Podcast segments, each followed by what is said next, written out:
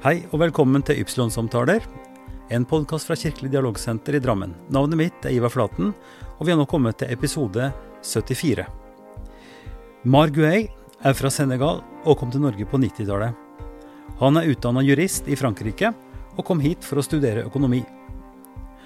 Han ble etter hvert kjent med Deo Kiligito i forbindelse med import av afrikanske musikkinstrumenter. Deos visjon var et afrikansk kultursenter, som etter hvert ble realisert i Matendo i Drammen. Da Deo plutselig døde i 1991, ble Mar utfordra av kommunen til å ta over og videreutvikle Matendo kultursenter.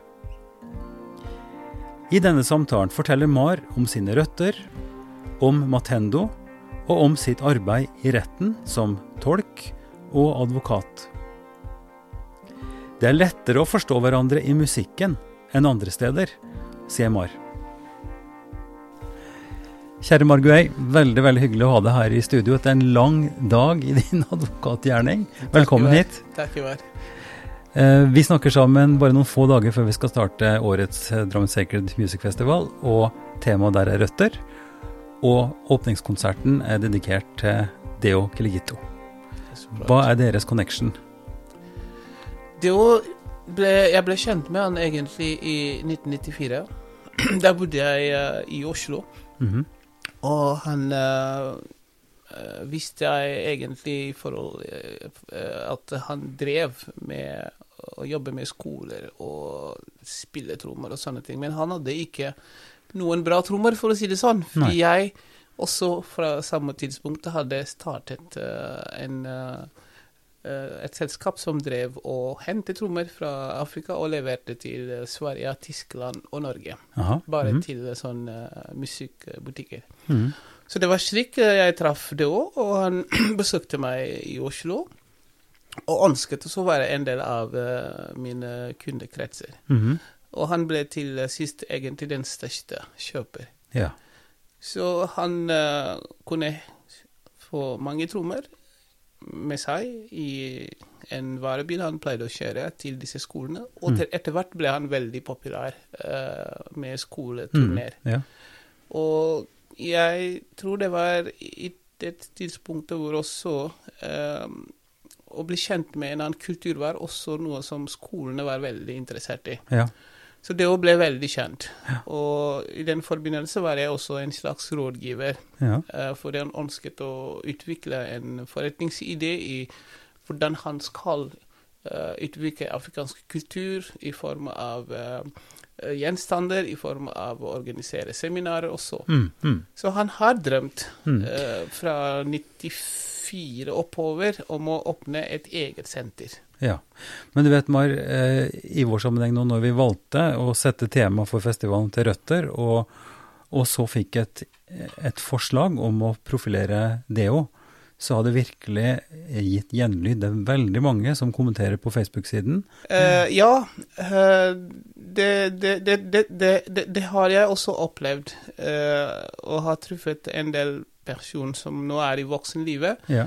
eh, som alltid husker eh, noen sanger som de har hatt gjennom det og sine turnering på skoler. Mm. Og nå sist så hadde vi en konsert i, i Fjell kirke for en uke siden. Og musikerne som var med og spilte der, de kom bort til meg og sa, vet du Ivar, vi var med og spilte på den plata som Deo ga ut. Men Deo Kiligito, han spilte også inn en plate eh, som også ble brukt en del i skoler, tror jeg, men, men disse musikerne da husker det veldig godt og, og fortalte om det. Ja, og han var veldig stolt når den plata kom ut. Han Mm. har jobba for det, og han var veldig stolt. Han kjørte til meg i Oslo for å bare sette det på bordet og så si Se, nå har jeg kommet ut med min plate. Og alle skolene i Norge skal spille den låten. Så det var veldig rørende den gangen han gikk bort, og så ble hans musikk spilt i kirken. Ja. Så det var litt Og, og, det, og det jeg leste i dag, faktisk, det var at uh, bisettelsen til Deo, den ble sendt direkte i, i radio, Buskerud-sendingen. Ja. Og det er ikke så ofte skjer. Ja, og jeg tror nok jeg husker uh, Deo Kiligito sin uh, avgang eh, har eh, ikke bare vært for drammensere, Men han hadde kommet også i godt samarbeid med mange kulturarbeidere rundt omkring i landet. Så det Mm. var veldig mange som kom til Drammen for det. Ja. ja. Nei, så, så det er en, eh, en person som har virkelig satt spor etter seg, og vi merker det som sagt ved at det er mange som kommenterer nå, og som forteller sine personlige historier Mm. om hvordan de møtte han. Eh, Blant annet en som, et navn som har blitt kjent nå i forbindelse med koronaepidemien.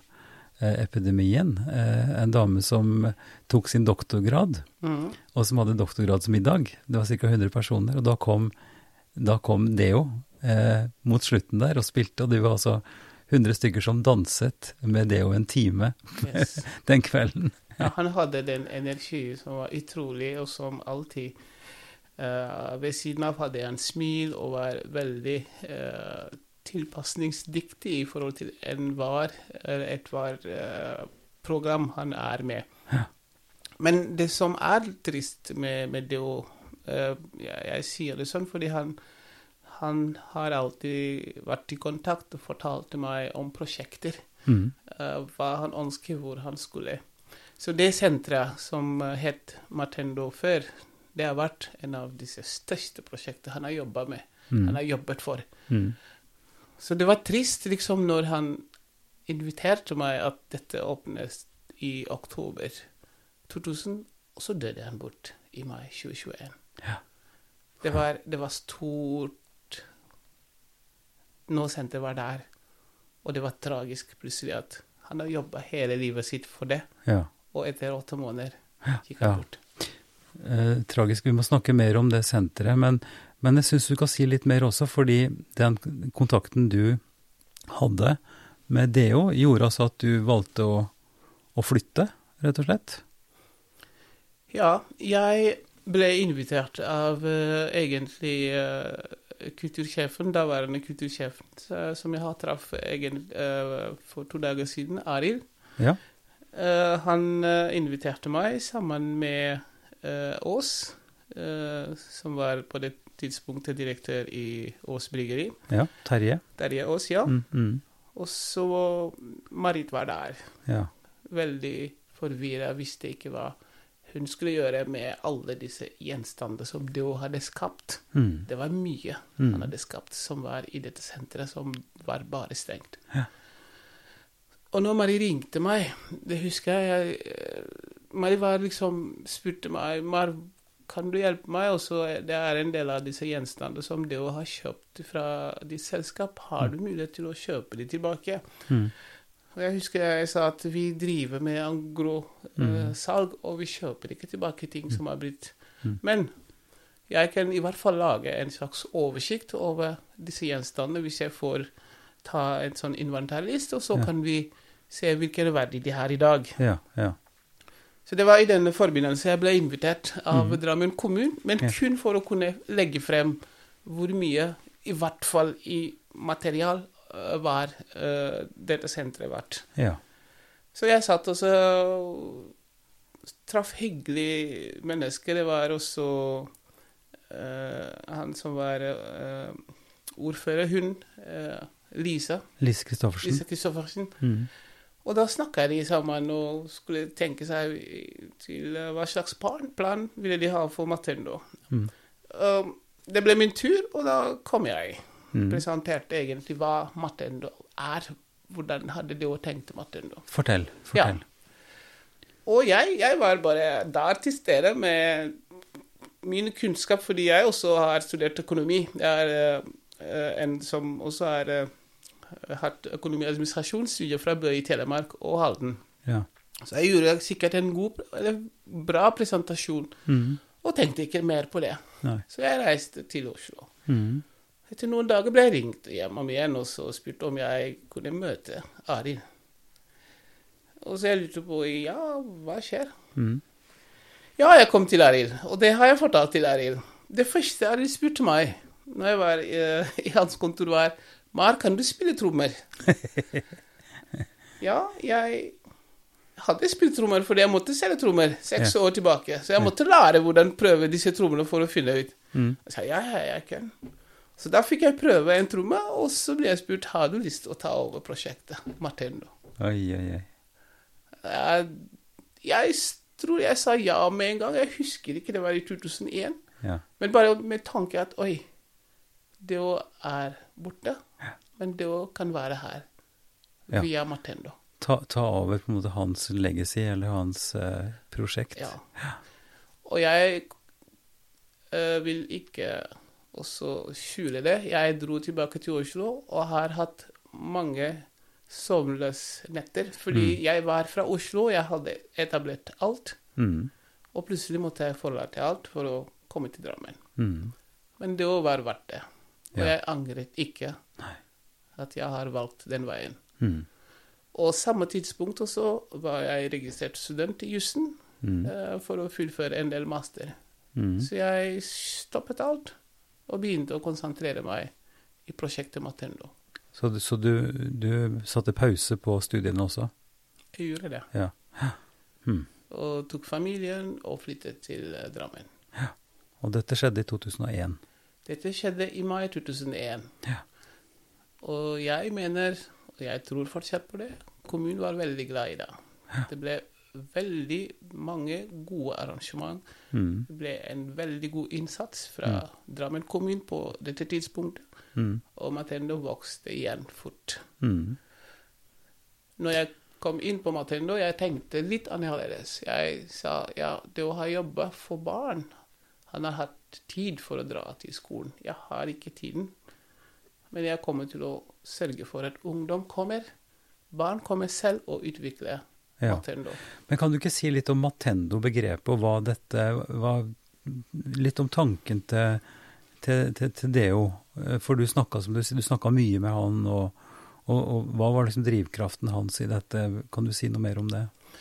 Ordet Matendo er uh, fra swahili-språket. Jeg kan ikke swahili, men um, Deo har fortalt meg at Matendo betyr kreativitet. Mhm.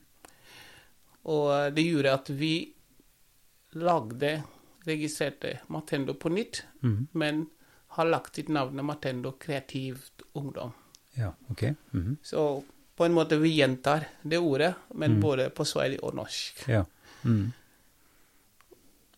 Matendo hos Deo sin tanke i det tidspunktet vi pratet sammen, skulle være en båt, en måte å uh, vise frem afrikansk kultur i sine ulike former, i sine ulike arter, men å få interesse allerede fra barndommen i en annen kultur, Mhm. slik at det fremmedfryktet kunne forsvinne veldig tidlig Mhm. i barnsalderen. alder. Og det han har, har han lykkes mye.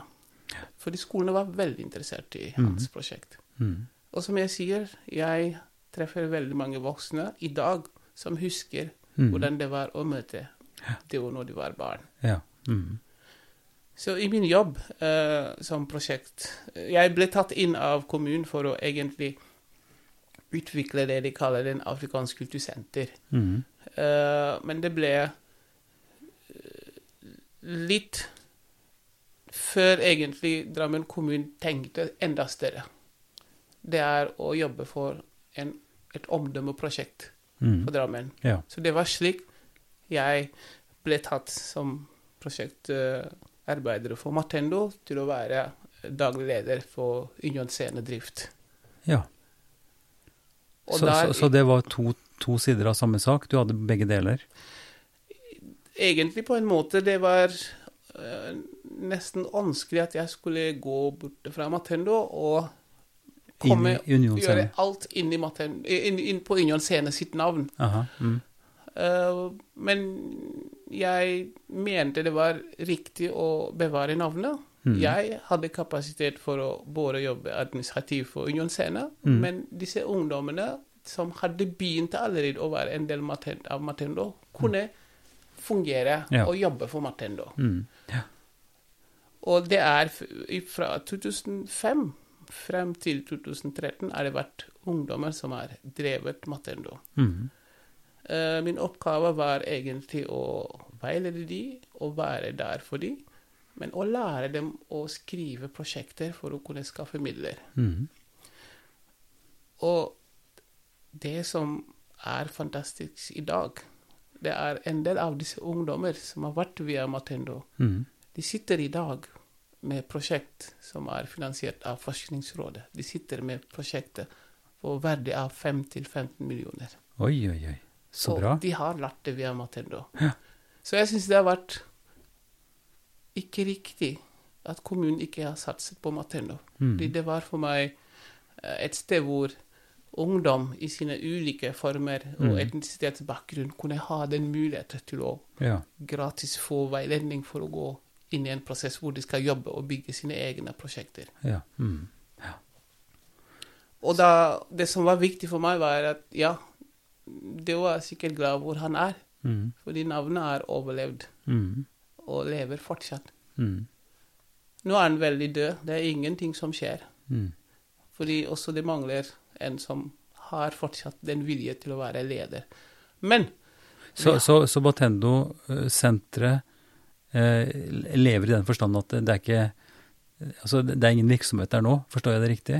Men virksomhet er fortsatt registrert. ja, den virksomheten er registrert, ja. Mm. Men har ingen virksomhet per nå? Har ingen aktivitet Nei. hver dag. Nei. Det vi har, vi har eh, en eh, bra Facebook, Mm. Matendo Kreativ Mm. Ungdom, eh, hvor alt som har blitt gjort Mm. i, fra før 2010 frem til 2012, ligger der. Ja. Og jeg får fortsatt lik, lik noen liker Mm. som går inn på og liker det. Ja, ja. ja. Mm, altså, vi kunne gjerne si en del om Altså, jeg har jo googla litt og sett at det var diskusjon på den tiden, og det var skriving i avisene, og uenighet, ikke sant, hvorvidt man skulle fortsette støtten osv. Uh, vi skal ikke grave mye i det, men kan du bare gi et raskt riss hvordan dette utvikla seg? For det var så fra, fra at senteret fikk ganske stor støtte fra kommunen, og det ble initiert av kommunen, så gikk det, eh, utvikla det seg over en periode, og så ble tilskuddene mindre, og til slutt stoppa det opp.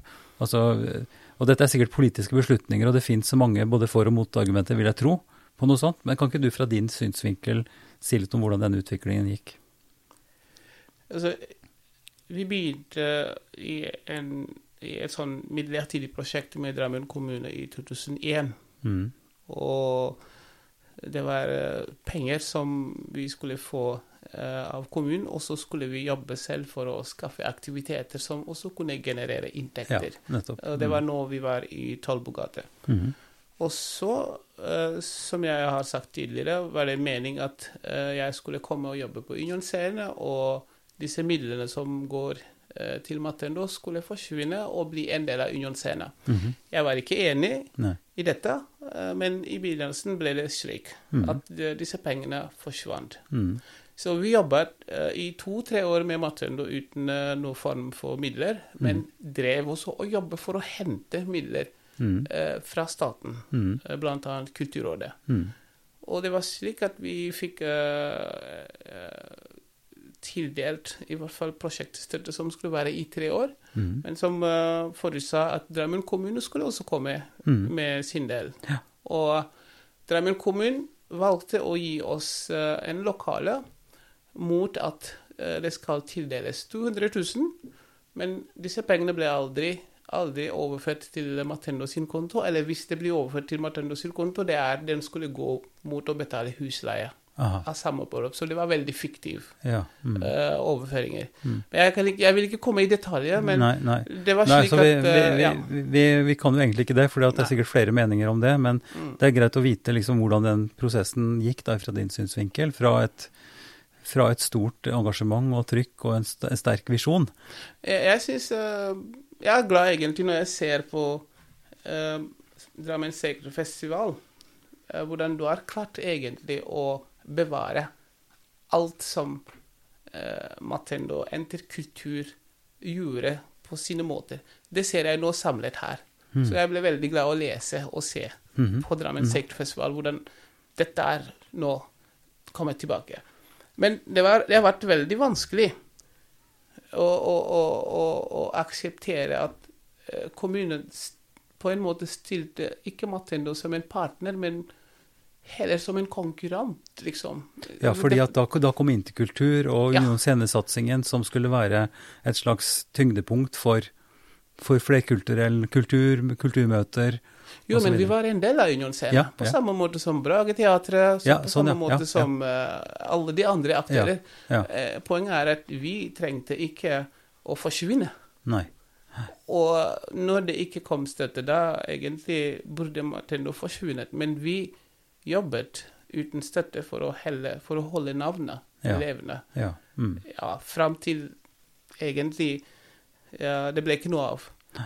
Uh, men som jeg sier, uh, det var plass for Matendo i Mm. Drammen. Mm. Og det er fortsatt plass for Matendo i Mm. Drammen. Mm. Vi klarte å gjøre veldig mange gode aktiviteter som dro ungdommer fra Oslo og alle andre kanter av Norge for å være med Mm. På disse aktivitetene. Nei, det, altså, eh, det er jo muligheter fortsatt. Altså, det kan jo skje at noen eh, vil bære dette videre og har engasjement for det, men ingenting skjer av seg sjøl. Eh. Altså, det, det er jo en kombinasjon av offentlig støtte og noen personer som vil nok til å kunne drive det, og, og bruke krefter på å finne flere penger. Det, det er jo denne Det lever vi jo med de fleste av oss som prøver å få til sånne kulturprosjekter. Så det som hjalp meg å kunne holde Matendo mens, uh, mens jeg gjorde noe annet, var uh, egentlig at uh, i dette tidspunktet, 2005 frem til 2012, jeg jobbet mye eh, for å få eh, min embetseksamen eh, Mm. godkjent eh, fra Tilsynsrådet. Mm. Og for å holde jussen måtte jeg både være student og være tolk, Mm. for å være i retten hele tiden. Mm. Og å være tolk også, spesielt når du kan det, og Mm. har eh, eksamen i tre språk, Mm. det ga meg økonomisk frihet -hmm. for å kunne være med frivillig i Matendo hele veien, Ja. uten å trenge noe som helst lønn. Ja, ja. Mm. Så det er det som har egentlig bevart Ja. Matendo. ja. Den gangen jeg fikk uh, min autorisasjon og begynte å måtte konsentrere meg i uh, det juridiske faget, da var det selvfølgelig et stort mangel for, uh, en stor mangel for Matendo i forhold til hvem skulle sitte Mm. og gjøre det. Ja, for det var ikke noe mer kapasitet til å kunne gjøre det. Det var det ikke. Så, og så har det skjedd noe som vi ikke trenger å ta her, men som gjorde også at jeg måtte liksom gi bort uh, styreledelsen uh, hos Matendo. Mm. Uh, men poenget er Organisasjonen hadde ikke verken finansstøtte Nei. eller intellektuell støtte for å kunne overleve. Mm.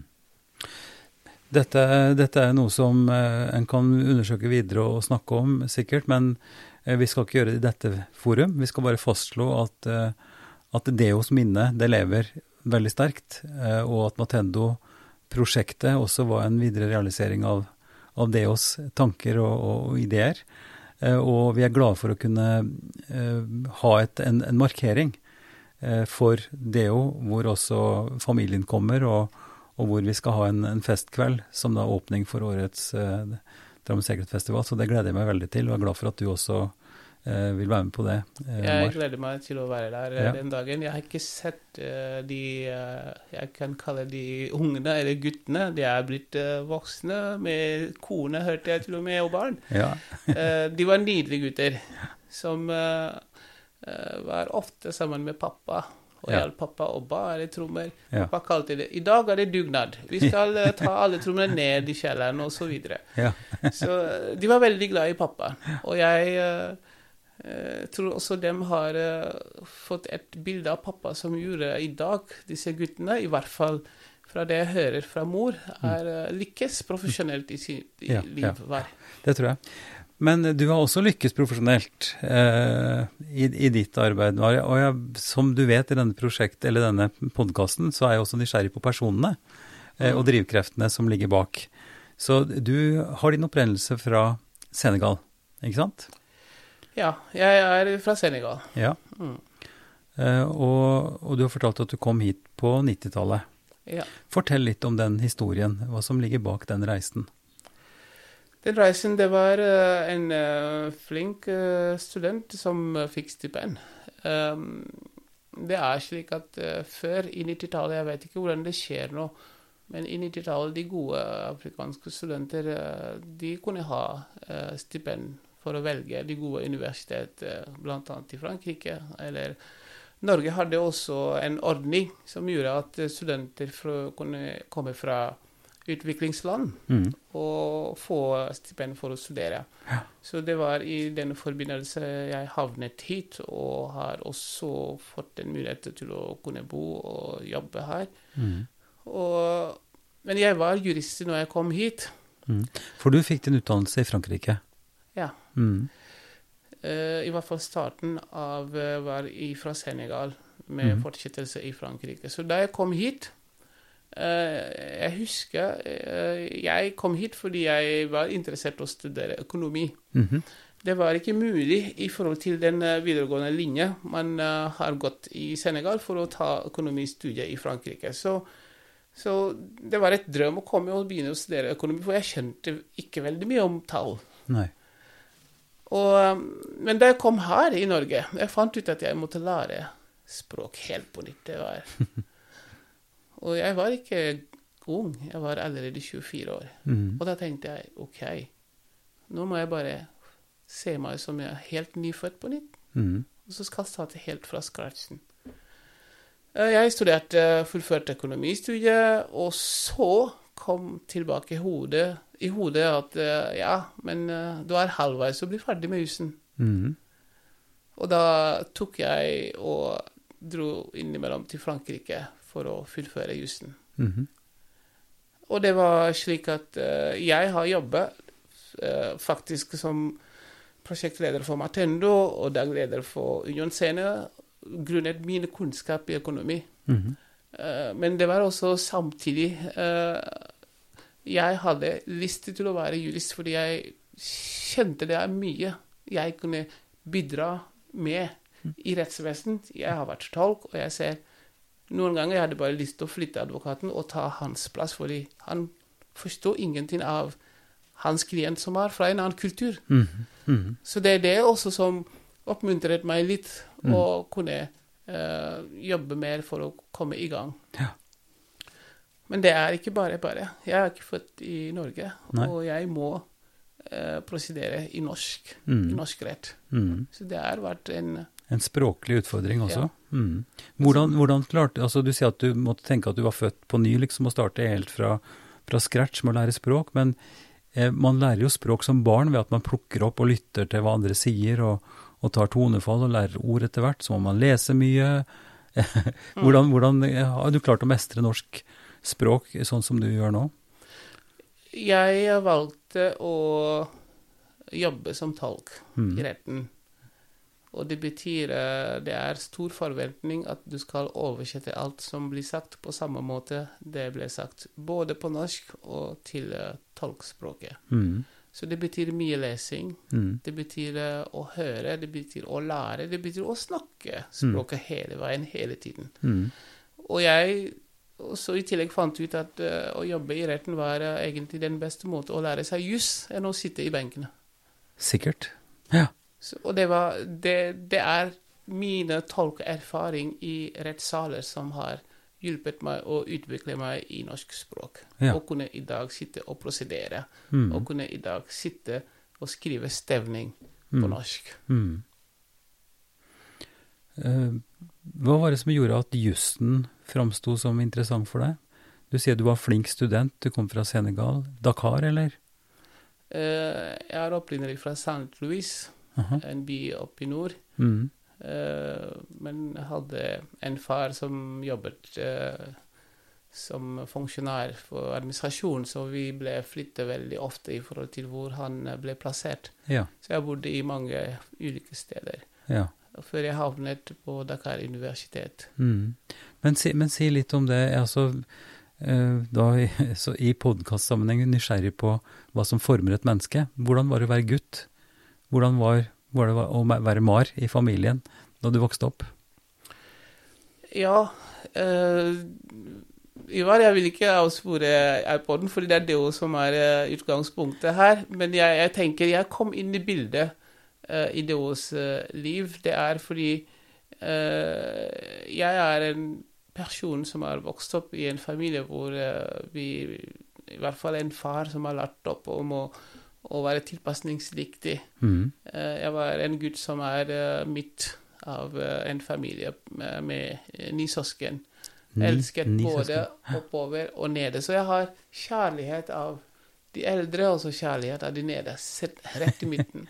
Og jeg var den første egentlig som dro til utlandet Ja. fra familien. Mm. Eh, så eh, de som ble igjen i hjemlandet, det, det er folk som har lykkes i sitt liv, som har Mm. klart det ekstremt bra. Mm. Eh, vi som valgte også å komme i utlandet, vi eh, Jeg har en søster som også bor her. De, hun jobber som seniorrådgiver i Mm. Viken. Mm. Har en bror som sitter i høy stilling i If. Og dette har vi lært allerede før vi reiste til Norge, at uh, du Jobbe må jobbe hardt. for å oppnå noe. Ja, ja.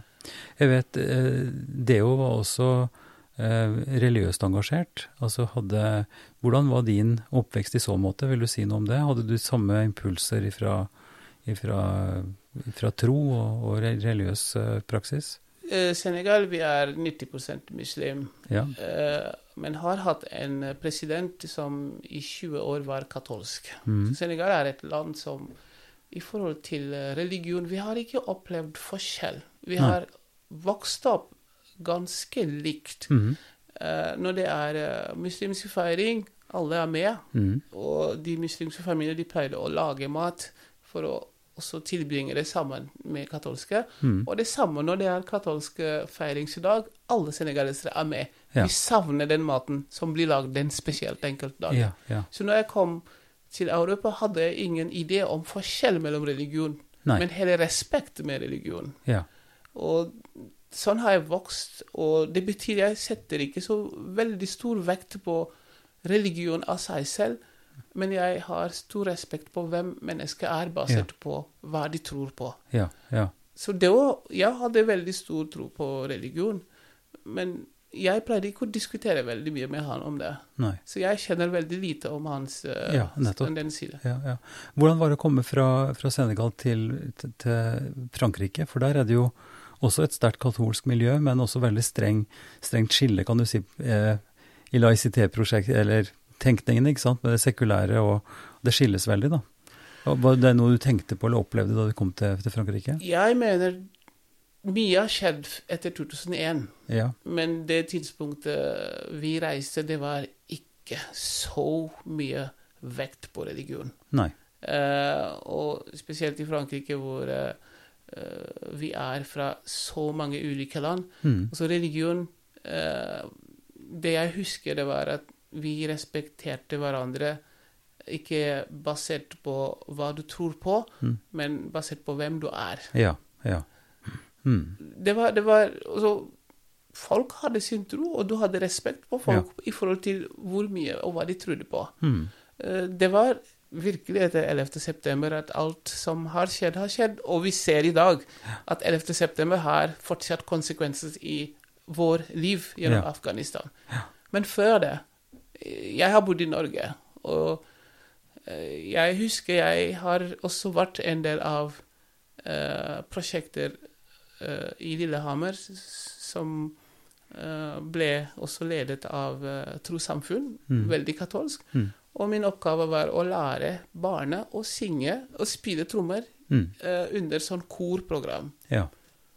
Det var ikke snakk om hvilken religion jeg tilhørte. Det var Mm. snakk om det perspektivet av å jobbe sammen for å bygge Ja. noe Ja. som er som skal legges fram under uh, en religiøs uh, feiring. ja. Mm. Så fra, fra min, eh, mi- mitt, mitt, mitt utgangspunkt religion er ikke det som, som får meg til å tenke annerledes. Nei. Nei, Det er interessant, fordi det har blitt, som du sier, helt sikkert polarisert mye etter terrorangrepene, og, og fordi at det er noen som vil forsterke de forskjellene. Man så det jo også på Balkan på 90-tallet, med eh, et samfunn som hadde levd eh, i, relativ harmoni, i hvert fall. Mens eh, når nasjonalisme og, og de grensene på en måte blir kjørt opp, så blir plutselig religionen et, en markør på forskjell som, som skaper dramatiske Altså bidrar da, Ja. til skiller.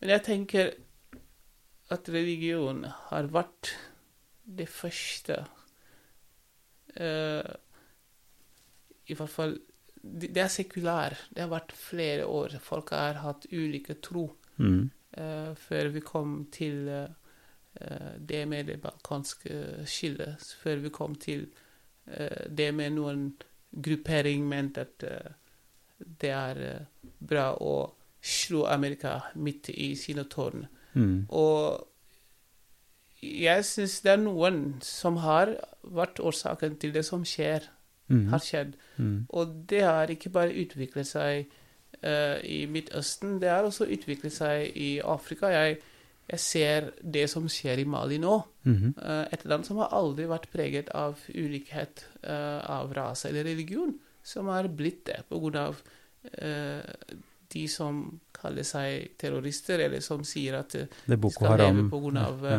Sin tro, Mm. driver med vold. Mm. Så, så religion er blitt brukt som våpen for Mm. å kunne uh, legitimere Ja. seg som en uh, kriminell gruppe. Mm. Og det, det har skjedd før det islamiske bevegelse har kommet på det nivået. Det har skjedd med Irland før. Så uansett hvilken religion man tilhører Ja, du tenker på, på, på, på IRA og nasjonalistene på Riktig. Irland, ikke sant? Ja. ja. Ja. Mm. Uansett eh, hvilken gruppering du tilhører, religion skal ikke brukes som våpen. Religion skal brukes som kjærlighetstegn for å Mm. være sammen. Mm. Men ja, det er en annen ting som Som jeg sier, vi skal ikke avspore. Uh, man også skal ha respekt for den andre. Og når det vestlige mener at sine kultur er det beste, Mm. og så bruker det for å eh, mene at de andre er ikke det beste. Og det er det man kaller selvforsvar, som gjør at du kommer til å forankre deg inn i det du tror er beste, selv om du vet det ikke er det beste, men Mm. bare for å stå imot Mm. de andres Ja, ja, mening. ja, Det er, det er, det er en Kanskje nå vi går mot en annen verden hvor å sitte og snakke likt vil være nøkkel eh, for å få fred i verden, enn å prøve å få fred ved å eh, invadere en annen, et annet land.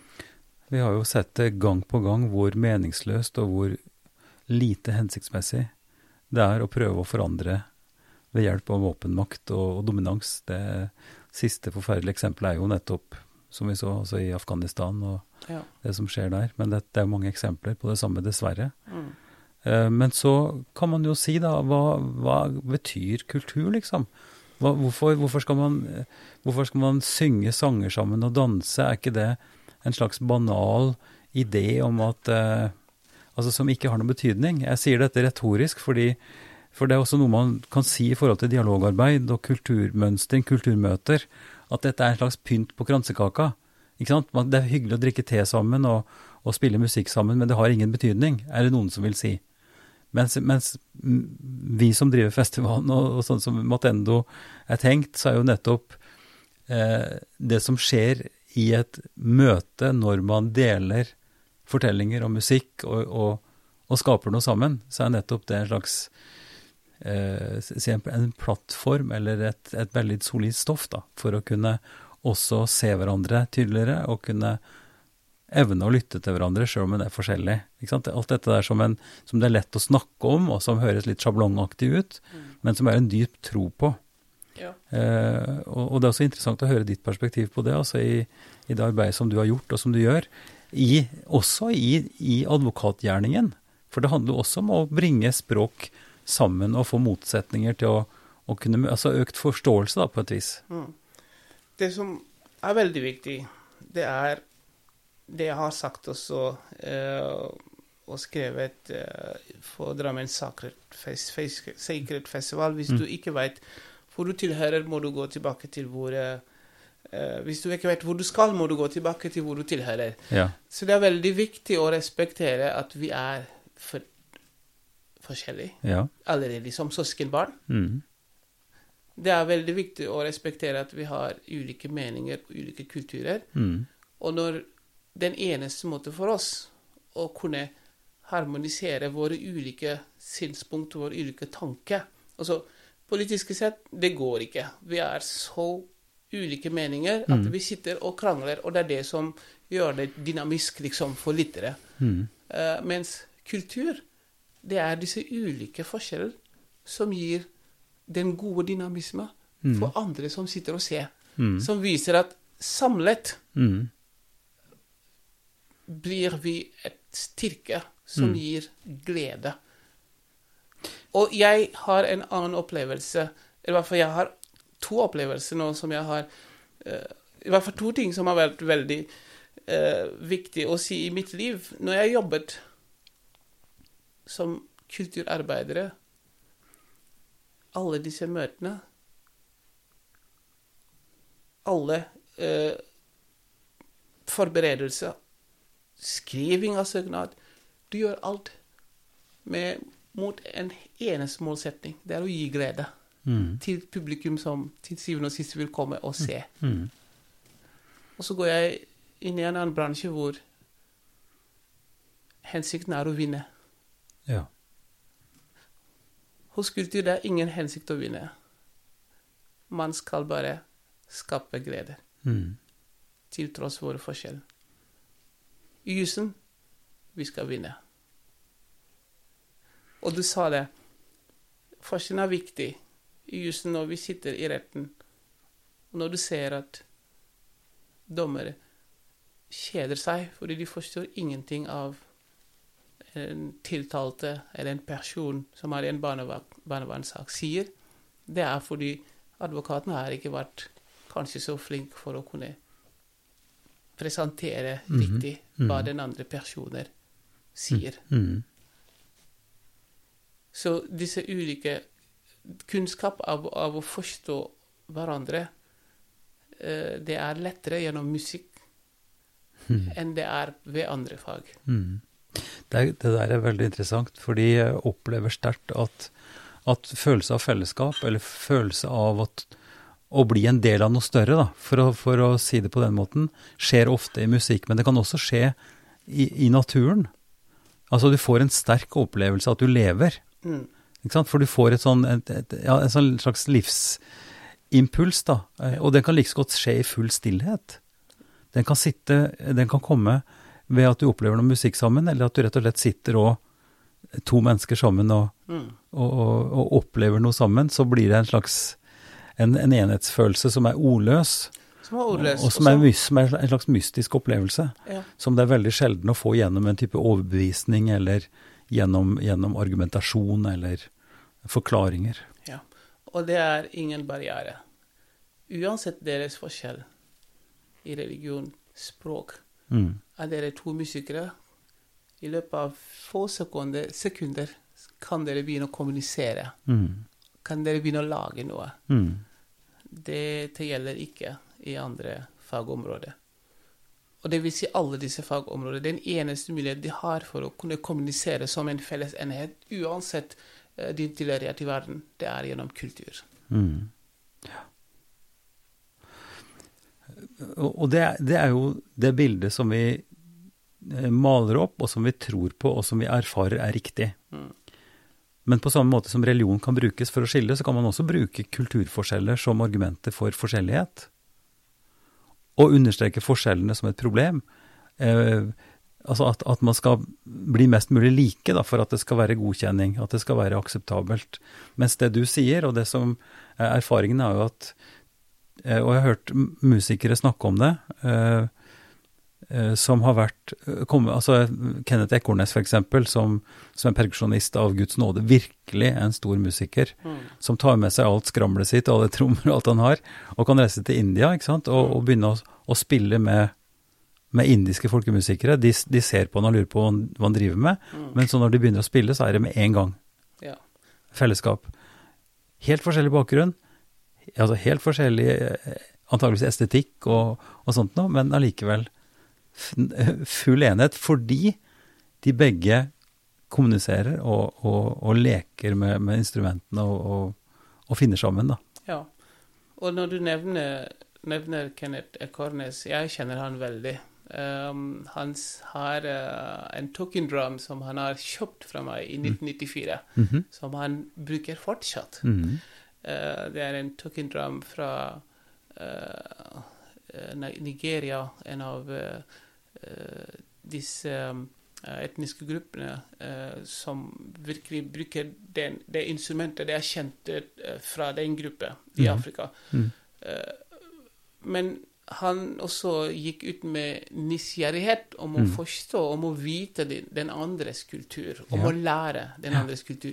Ikke om å legge eh, tilbud at vi er forskjellige, vi må være forskjellige, eller må du være samme som Mm. meg. Mm. Og den tanken at jeg må være typisk norsk for å kunne bo i, Nor i Norge, betyr på en måte at jeg må assimilere Mm. for å være akseptert i dette samfunnet. Mm.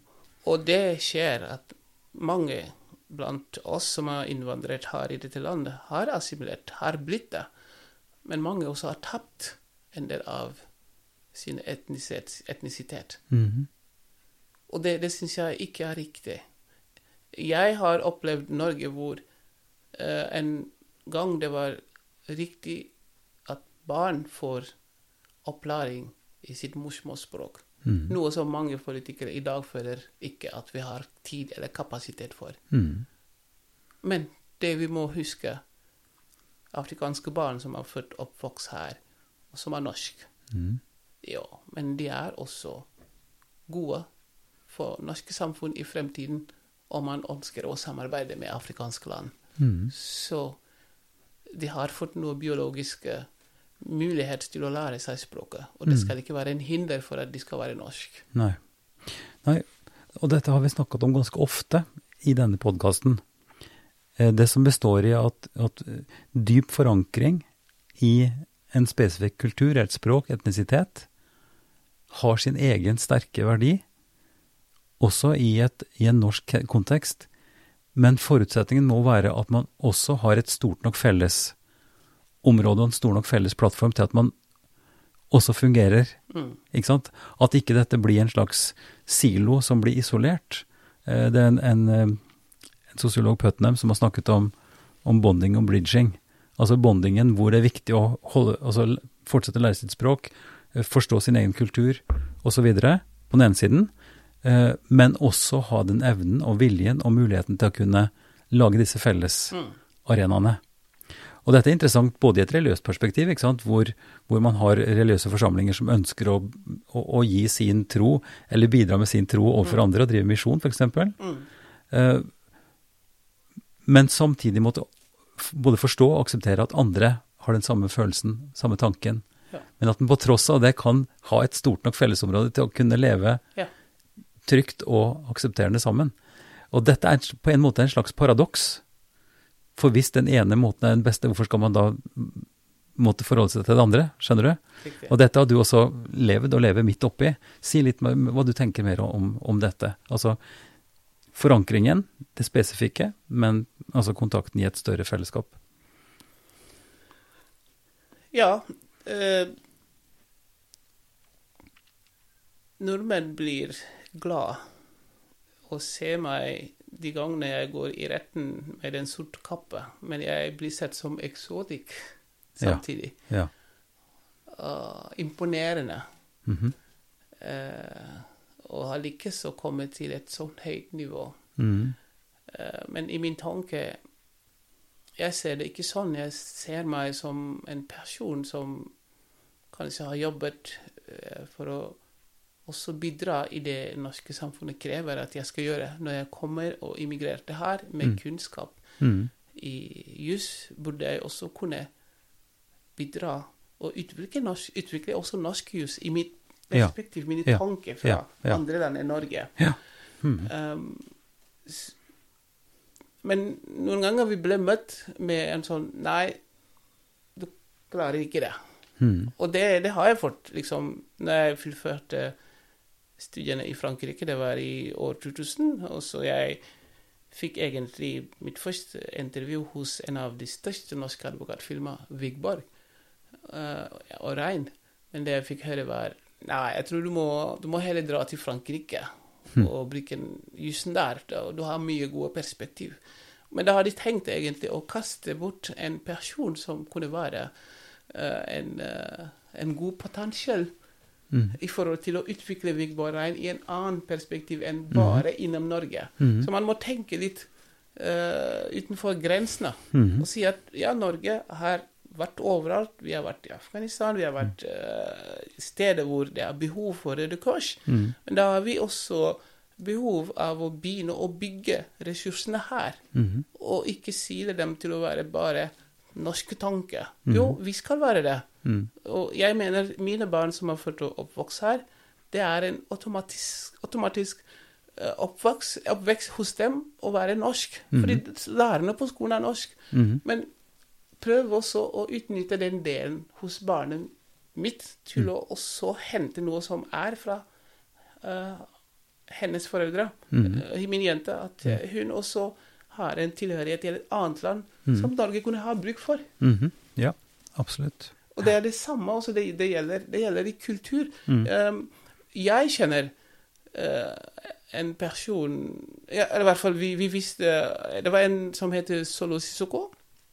Ja. Han er en uh, veldig bra musiker, kora, mm. spiller, som gikk bort for et par år siden. Og i min jobb også har, eh, har det vært eh, slik at jeg har eh, truffet eh, noen som er i relasjon med, med Solo, og har snakka med han, og så sier Pappa var veldig kjent i Norge.